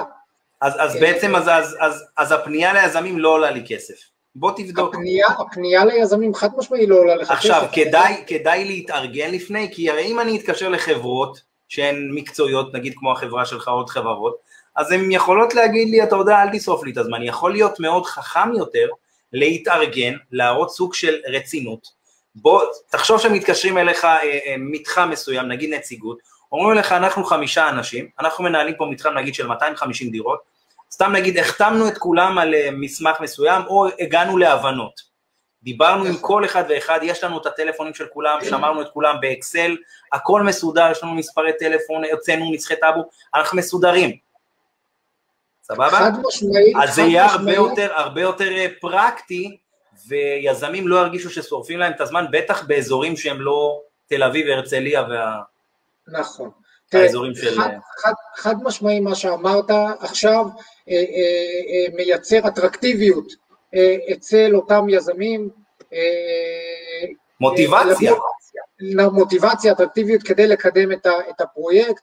אה, שלב ההתארגנות בדרך כלל זה שלב אה, מורכב, זה שלב אה, לא, לא פשוט, ולכן כשאתה מגיע קצת יותר בשל לתהליך הזה אה, ואתה פונה ליזמים, אז אני חושב שעשית עבודה ויזמים יעריכו את זה וגם ישקיעו מאוד מהצד שלהם ויבחנו את הסוגיה, אה, את הפרויקט יותר, אה, בצורה יותר... אה, אתה יודע, אנחנו תוך כדי שידור, ואני בדיוק העברתי, זאת אומרת, העברתי את השידור ללקוח, שבעצם מכר דרכנו דירה איפשהו באזור מסוים בארץ, בצפון הארץ, עכשיו, אותו דייר זה, זה בחור שגר בעצם במתחם של משהו כ-180-190 דירות, הוא החתים את כל הדיירים, זאת אומרת, כל הדיירים יודעים שזה הולך, כאילו, כל הדבר הזה, הם הוציאו כל אחד נסחי טאבו, נסח טאבו עולה 15 שקלים, כל אחד על חשבונו שם את האשראי שלו, הוציאו מאות בעצם נסחי טאבו, שהכל מסודר, באו עם קלסר מסודר ליזם, דירה כך וכך, תעודות זהות, הכל הכל הכל מסודר, והיזם עכשיו ממש מתקדם איתם, זאת אומרת, ברמה כזאת שהוא כל כך העריך את העבודה שלו, שהוא גם הולך אה, לשפות אותו, זאת אומרת, וגם הדיירים, זה סבבה להם, כי הוא באמת עבד קשה. אז כל, מה כל, אנחנו כל באים כל להגיד. פה? מה אני בא להגיד, אה, חברים? שאם יש לכם, אתם גרים במתחם ולדעתכם יש מה לעשות עם זה, אז תיגשו לעירייה, במידה ואתם רוצים להיות יזמים של הדבר הזה, תיגשו לעירייה, תראו שהכל סבבה, תחתימו את הדיירים, תראו מה זה, כמובן הכל לעשות בצורה שקופה, ואני יכול להגיד לכם שהלקוח הולך להרוויח. כאילו, זה, יש פוטנציאל לרווח, כרגע עדיין זה לא יוצא, אבל זה הרעיון. כל עוד, כל עוד זה בצורה אה, באמת גלויה ושקופה מול שאר בעלי הדירות, אז, אז יש לזה גם, ב, גם, ב, גם בתקנות ובחוקים אה, יש לזה מקום. אה, הרבה פעמים אנחנו שומעים על אנשים שרוצים כל מיני דברים, מבלי לספר לאף אחד אחר, וזה כמובן אה, לא בבית ספרנו, חשוב לשמור על, על תמורה אחידה, יש לזה משמעות מאוד גדולה בנושא של דייר סרבן אחר כך וכולי, אז תמורה אחידה ששקופה לחלוטין, שזה חשוב מאוד. יפה מאוד. אמ, טוב, אז דיברנו על העניין של באמת ההיתכנות הכלכלית, איך אנחנו בודקים את זה ואיך אה, כל הדבר הזה עובד, וגם הבנו שאנחנו יכולים לפנות אליכם אה, לפסיפס בעצם, זאת אומרת, דייר אה, זה יכול לפנות ובאמת לדבר איתכם וזה. זאת אומרת, יש מצבים שדיירים פונים אליכם ואתם מחברים אותם גם ליזמים. אני, אני רק לסבר את האוזן, להערכתי ב-15 שנים האחרונות בדקתי שלושת אלפים אה, אה, בניינים סלש מתחמים להתחדשות עירונית. אז, אה, אז, אז, אז יכולים לפנות אלינו, אנחנו יודעים לנתח את הדברים די מהר. רק לסבר את האוזן, אני ביקרתי בקרוב לשמונת אלפים נכסים. אז, אז, אז, אז אנחנו, אז כמו שאתה יודע, שאתה נכנס לנכס, ואתה יודע מהר מאוד להבין את הפוטנציאל ומה אפשר לעשות, ולקרוא את, ה, את הבניין ואת המיקום שלו ואת הדברים האלה, אנחנו יודעים לעשות את זה בהתחדשות עירונית, יודעים מהר מאוד, יש לזה שני שלבים, השלב הראשון זה שלב של אה, GIS, מי שלא מכיר, GIS זה מערכת גיאוגרפית שניתן אה, לכל עירייה להיכנס לאתר של עירייה, אה, יש גם GIS של מדינת ישראל, ולמעשה רואים את ה, את ה... נקרא לזה מפה של, ה, של האזור, של השכונה, של הבניין, ויודעים להבין מה גודל החלקות אה, וכמות הדיירים והאזור אה, וכבישים ראשיים וכולי, צפיפויות וכל מיני נתונים תכנוניים. אה, זה הפעם הראשונה, ושם נופלים לא מעט מתחמים. והפעם השנייה זה סיור שטח. אין טוב כמו מראה עיניים, מחר על הבוקר אני בסיור כזה בקריות, הולכים לבחון מתחם של 100 משפחות לפינוי, אין כמו מראה עיניים, Google Street View לא עושה את העבודה, אפשר טיפונת, אבל לא עושה את העבודה, ואלה שני השלבים בדרך כלל לבדוק את המתחם, אם הוא ראוי לקידום או, או, או לא, אבל זה יכולים לעשות אנשי מקצוע, אני פחות חושב שאם בעל דירה שלא מבין בזה ייכנס ל Street View יעשה סיור בשכונה, אני חושב שזה פחות יגיד לו אה, אה, אם אפשר לעשות או אי אפשר לעשות. יפה. איפה, איפה אתה רואה את עתיד אה, התחדשות העירונות נגיד בחמש שנים הקרובות? אה, מאוד מאוד פשוט, אה, זה לא, זה לא רק איפה אני רואה את זה, יש גדולים ו- ואולי טובים ממני ש- שרואים את זה, יש מסמכים של מדינת ישראל ל-2040, והמסמכים האלה מדברים על צורך, אם אני לא טועה, שניים וחצי מיליון דירות מתוכננות, נכון. אה, ומיליון דירות בביצוע. בהתחדשות עירונית. כן, וחלק... כן, מדברים, מדברים, מדברים על זה שב-2040 התוכנית האסטרטגית שאתה מדבר עליה, שהולכים לבנות כ-40 אחוז בהתחדשות עירונית, אה, משהו כזה, זה מספרים מטורפים, אבל אני אומר זה מעניין החזון, השאלה אם החזון מתחבר למה שקורה בשטח, לפי מה שאתה מרגיש, אתה 15 שנה בתחום. אז, אז תראה. אתה יודע, כי יכול להיות חזון מטורף גם לתל אביב, שדיברו על רכבת קלה כבר בערך 50 שנה, ורק עכשיו התחילו אה, זה, ובואו נראה מתי זה יסתיים. השאלה אם אתה מרגיש שהחזון הגדול הזה באמת דבוק לעשייה בשטח, ליום-יום. אה, לאט לאט כן, לאט לאט כן, כן. אה, חשוב, סתם בואו ניגע באיזושהי סוגיה, לפני שנה בערך המועצה הארצית לתכנון ובנייה קיבלה החלטה לבטל את תמ"א 38, לא יודע אם נכון. המאזינים, צופים שלנו יודעים את זה, באוקטובר 22, שזה עוד שנה וארבעה חמישה חודשים, אה, אין יותר תמ"א 38 במדינת ישראל, מלבד ערים מסוימות שהחליטו להאריך את תקופת התמ"א, אם אני לא טועה ירושלים, האריכה, כבר נתנה החלטה להאריך את תקופת התמ"א ועוד כמה ערים, אבל ברוב הארץ, רוב המוחץ של הארץ, לא יהיה יותר תמ"א 38. אה, ואם התוכנית האסטרטגית הזאת לקחה בחשבון במספרים שלה עשרות אלפי דירות בתמ"א 38, אז אין יותר. אז צריך להתאים את אותה תוכנית אסטרטגית לעולם, של, לעולם החדש. עכשיו ראינו מה קרה במבצע האחרון, אה, לא אוהב לקרוא לזה מבצע, ממש במלחמה האחרונה, אה, שובר החומות, ראינו מה קרה בבניינים שהיה בהם אה, ממ"דים, ובבניינים, הנה בדיוק הכתבה שלך הנכונה, בבניינים שהיה בהם ממ"דים, בניינים שלא היה בהם ממ"דים, אני חייב להגיד רוב הבניינים ברוב רוב הדירות, באזורי מרכז הערים, אזורי הביקוש, בבניינים הישנים אין כמובן ממ"דים, אין ממ"דים, אנשים אין להם לאן ללכת. עכשיו יותר מזה, אומרים גם תרוץ לחדר מדרגות, בחלק מהמקרים האלה חדר המדרגות הוא חדר מדרגות פתוח, גם שם אין איפה לעמוד. הדבר היחיד שנשאר זה לשבת על הכורסה מול הטלוויזיה ולהתפלל. אז, זה, אז, זה הזיה.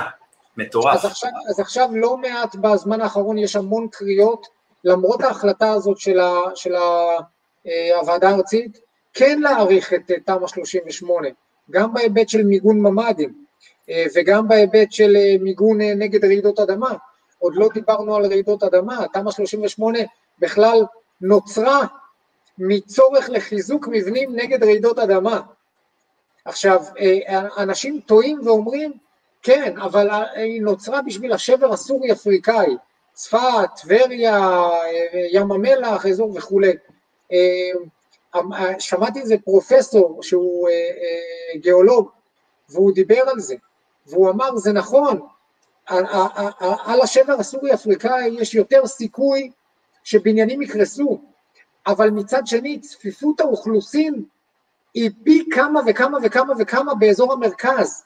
ברמת גן, בגבעתיים, בפתח תקווה, בהרצליה, ולכן יש יותר סכנה בפגיעה בחיי אדם דווקא במרכז מהשבר הסורי-אפריקאי.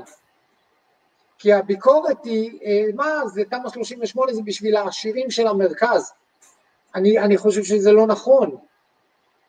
נכון, אה, נכון, האמת הרבה מדברים על זה, וזה איפשהו כואב. תראה, בסך הכל, אתה יודע, תמיד אומרים שהאמת היא איפשהו באמצע.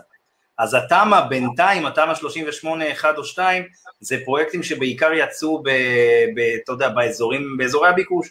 עכשיו, אם מדברים על האזור הכי דרומי, שבו יש הרבה מאוד התחדשות עירונית ופינוי ותמ"אות, הרבה מאוד פרויקטים של תמ"א, זה באשדוד, אתה בטח ביקרת באשדוד, ואתה רואה כמעט כל בניין, זה, זה פרויקט של התחדשות עירונית, שזה מטורף לראות את זה.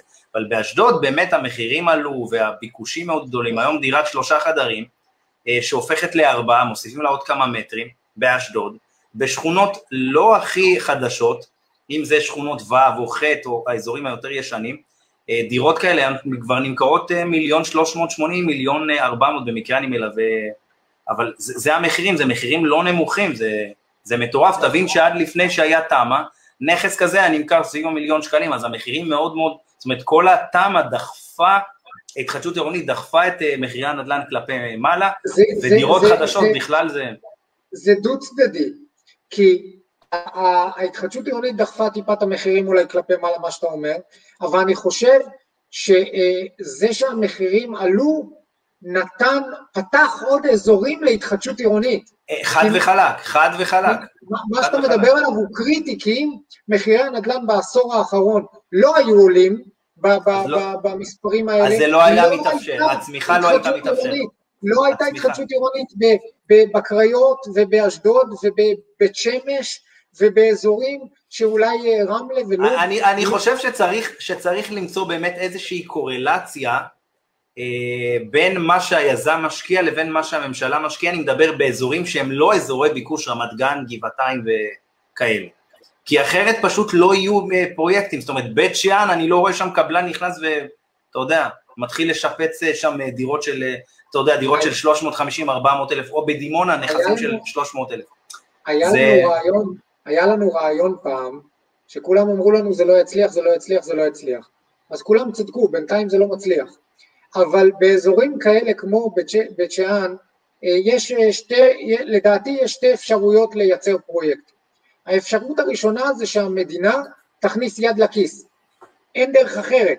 שהמדינה וה, והרשות הממשלתית עושה את זה, יש תקציב לחיזוק מבנים בפריפריה, באזורים כאלה, אמנם לפי דעתי זה, זה טיפה בים אה, אה, בשלב הזה, אבל זאת האפשרות הראשונה שפרויקטים יצליחו בפריפריה. אני, אני לא רואה את זה קורה, כי אני לפחות בשטח לא רואה, חוץ מעוטף עזה, שגם ליווינו שם עסקאות, ובעוטף עזה זה באמת משהו אחר, כי יש פה את העניין של המיגוניות ודברים כאלה נכון. שהממשלה אה, ממש הכניסה את ידה לכיס, לדוגמה בשדרות, שממש מיגנה שם את כל ה... אבל זה, אבל זה שונה, אני מדבר במסגרת התחדשות עירונית, במסגרת כן. תמ"א. אה, הדרך השנייה, וזה היה הרעיון, הדרך השנייה לייצר פרויקטים בפריפריה, זה לבוא ולייצר חיבור בין ש... שתי ערים. לדוגמה, הרי אזורי הביקוש... עם קרקע משלימה אתה מתכוון? לא, לא עם קרקע משלימה. כי גם אם אני אקבל קרקע משלימה בבית שאן, ואני צריך לעבוד ביחס לא בית שאן, לא, אני בונה בבית שאן כיזם, ומקבל קרקע משלימה ברעננה, עם איזה הטבות מסוימות. אז, אז, אז זה בדיוק הרעיון. פעם אחת זה לא קרקע משלימה, מה שאנחנו חשבנו, זה לא קרקע משלימה. כי קרקע משלימה אה, בבית שאן זה לא יעזור לאף אחד, כי לפי דעתי אם יצאו עכשיו 20 אלף יחידות דיור למכירה בבית שאן, לא נראה לא לי שיהיה למי לא יהיה למי למכור, כן. זה הבעיה. אז, אז, אז מה שאנחנו חשבנו לעשות זה יזמים שעובדים בשתי אה, ערים, זאת אומרת, אנחנו נבוא, נעשה פרויקט בבית שאן, אותו יזם, יבוא יעשה פרויקט בבית שאן במכפיל סביר, אחד לשלוש, אבל ברור שבאחד לשלוש בבית שאן הוא מפסיד כסף, זה, זה, זה, זה ברור, לא צריך להיות אה, גאון גדול בשביל להבין את זה. אבל מצד שני, אותו יזם, יש לו פרויקט בכפר סבא, יש לו פרויקט בפתח תקווה, בגבעתיים, בתל אביב, ואותה קרקע בתל אביב דווקא יכולה לקבל צפיפות. זאת אומרת, אם עכשיו הייתי צריך לבנות את אותם אלף דירות בבית שאן, אז בניתי רק 300, ואת אותם 700 דירות אני לא צריך לבנות 700 בגבעתיים. 100 דירות בגבעתיים או 150 דירות בגבעתיים הן שוות ערך בערך ל-700 של בית שאן. זאת אומרת, אם היינו יכולים לייצר סינכרון כזה בין הערים ולייצר, אה, אה, אה, נקרא לזה ניוד זכויות, בתמ"א יש ניוד זכויות, אבל התמ"א היא ניוד זכויות בתוך העיר, אם אני זוכר נכון. לייצר ממש ניוד זכויות בין ערים, לייצר את החיבור הזה בין הערים. אני חושב שאז פרויקטים בפריפריה היו מצליחים לצאת במכפילים סבירים, ובמרכז היו מקבלים את, את, את, את, את הביקוש לדירות ש, שצריך עכשיו. ולצערי זה לא עובד, לפי דעתי זה לא עובד ברמה המשפטית, זה לא עובד ברמה של הסנכרון בין ראשי הערים.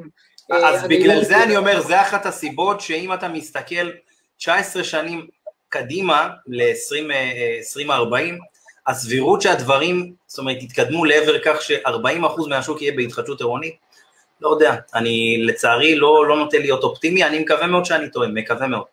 אני, אני גם לא יודע, אני כן יכול להגיד לך שתחום ההתחדשות העירונית הולך וגדל וגדל כן, וגדל כל הזמן. אני רואה, אני רואה. ו, ויש יותר ויותר פרויקטים שיוצאים לפועל, ויותר היתרי בנייה שיוצאים, ויותר טבעות שמאושרות, ואני חושב שכן, זה תחום שיצמח.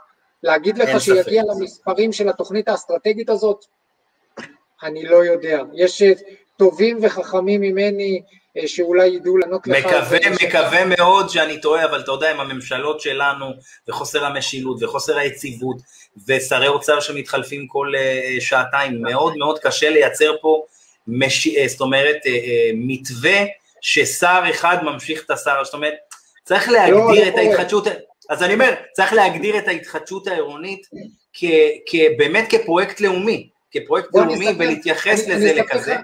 אני, אני אספר לך סיפור. בגיל 16 נסעתי למשלחת בני נוער לווינה, לאוסטריה. Mm-hmm. עשינו סיור באיזה, סתם, בלי אבל שהסיפור יהיה מהיר, אנחנו עוד ארבע דקות מהיר, מסיימים, מהיר, ואני, ואני בלי... רוצה לדבר על, על גו קליר.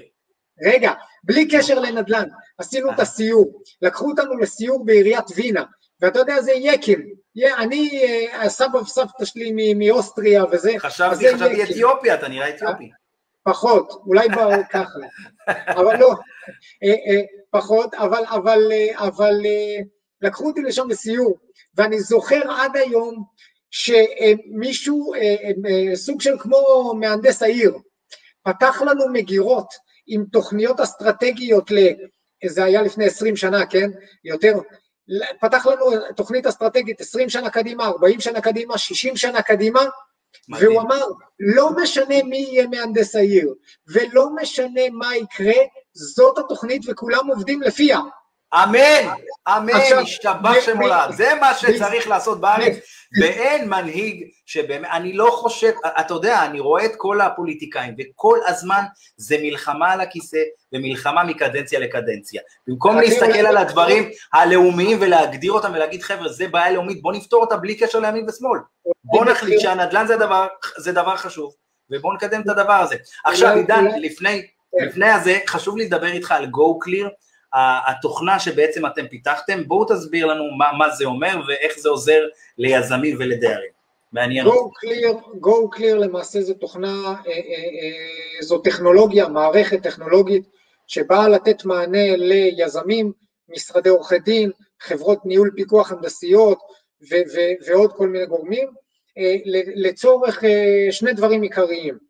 מי שאפיין את המערכת הזאת זה אנחנו, שאנחנו אנשי התחדשות עירונית, אנחנו לא איזה אה, איש הייטק שעבד פעם בחברות הייטק ובא עם איזה רעיון, אנחנו אנשי שטח ואנחנו מבינים התחדשות עירונית ואנחנו אלה שאפיינו אותה, אנחנו תמיד, אה, אה, אחד מהסלוגנים שלנו זה טכנולוגיה אפשר לקנות, התחדשות עירונית זה ניסיון של שנים.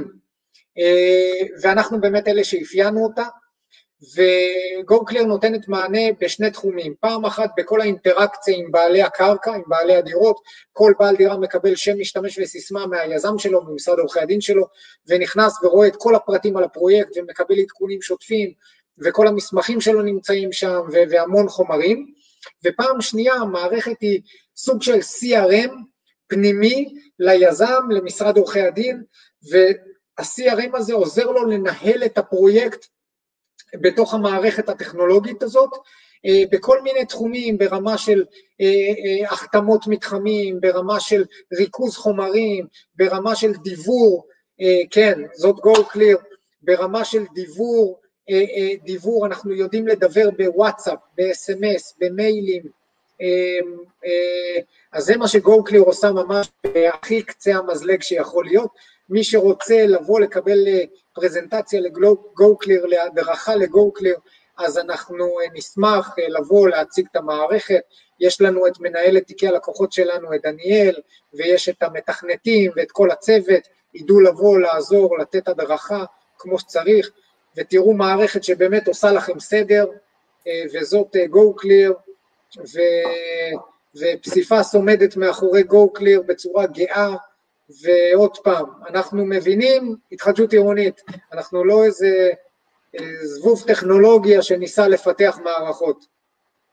אה, וואו, עידן, אתה שכנעת אותי, אה, ושים לב, אנחנו כבר שעה וחצי בשידור, וזה פשוט מדהים איך הזמן טס איתך. אמרתי לך שיהיה ממש כיף ושאנחנו נהנה, אה, אז זה כיף גדול. תודה רבה שהגעת לשידור. איך היית מסכם את השידור? פגז. זהו, תן לי איזה משפט.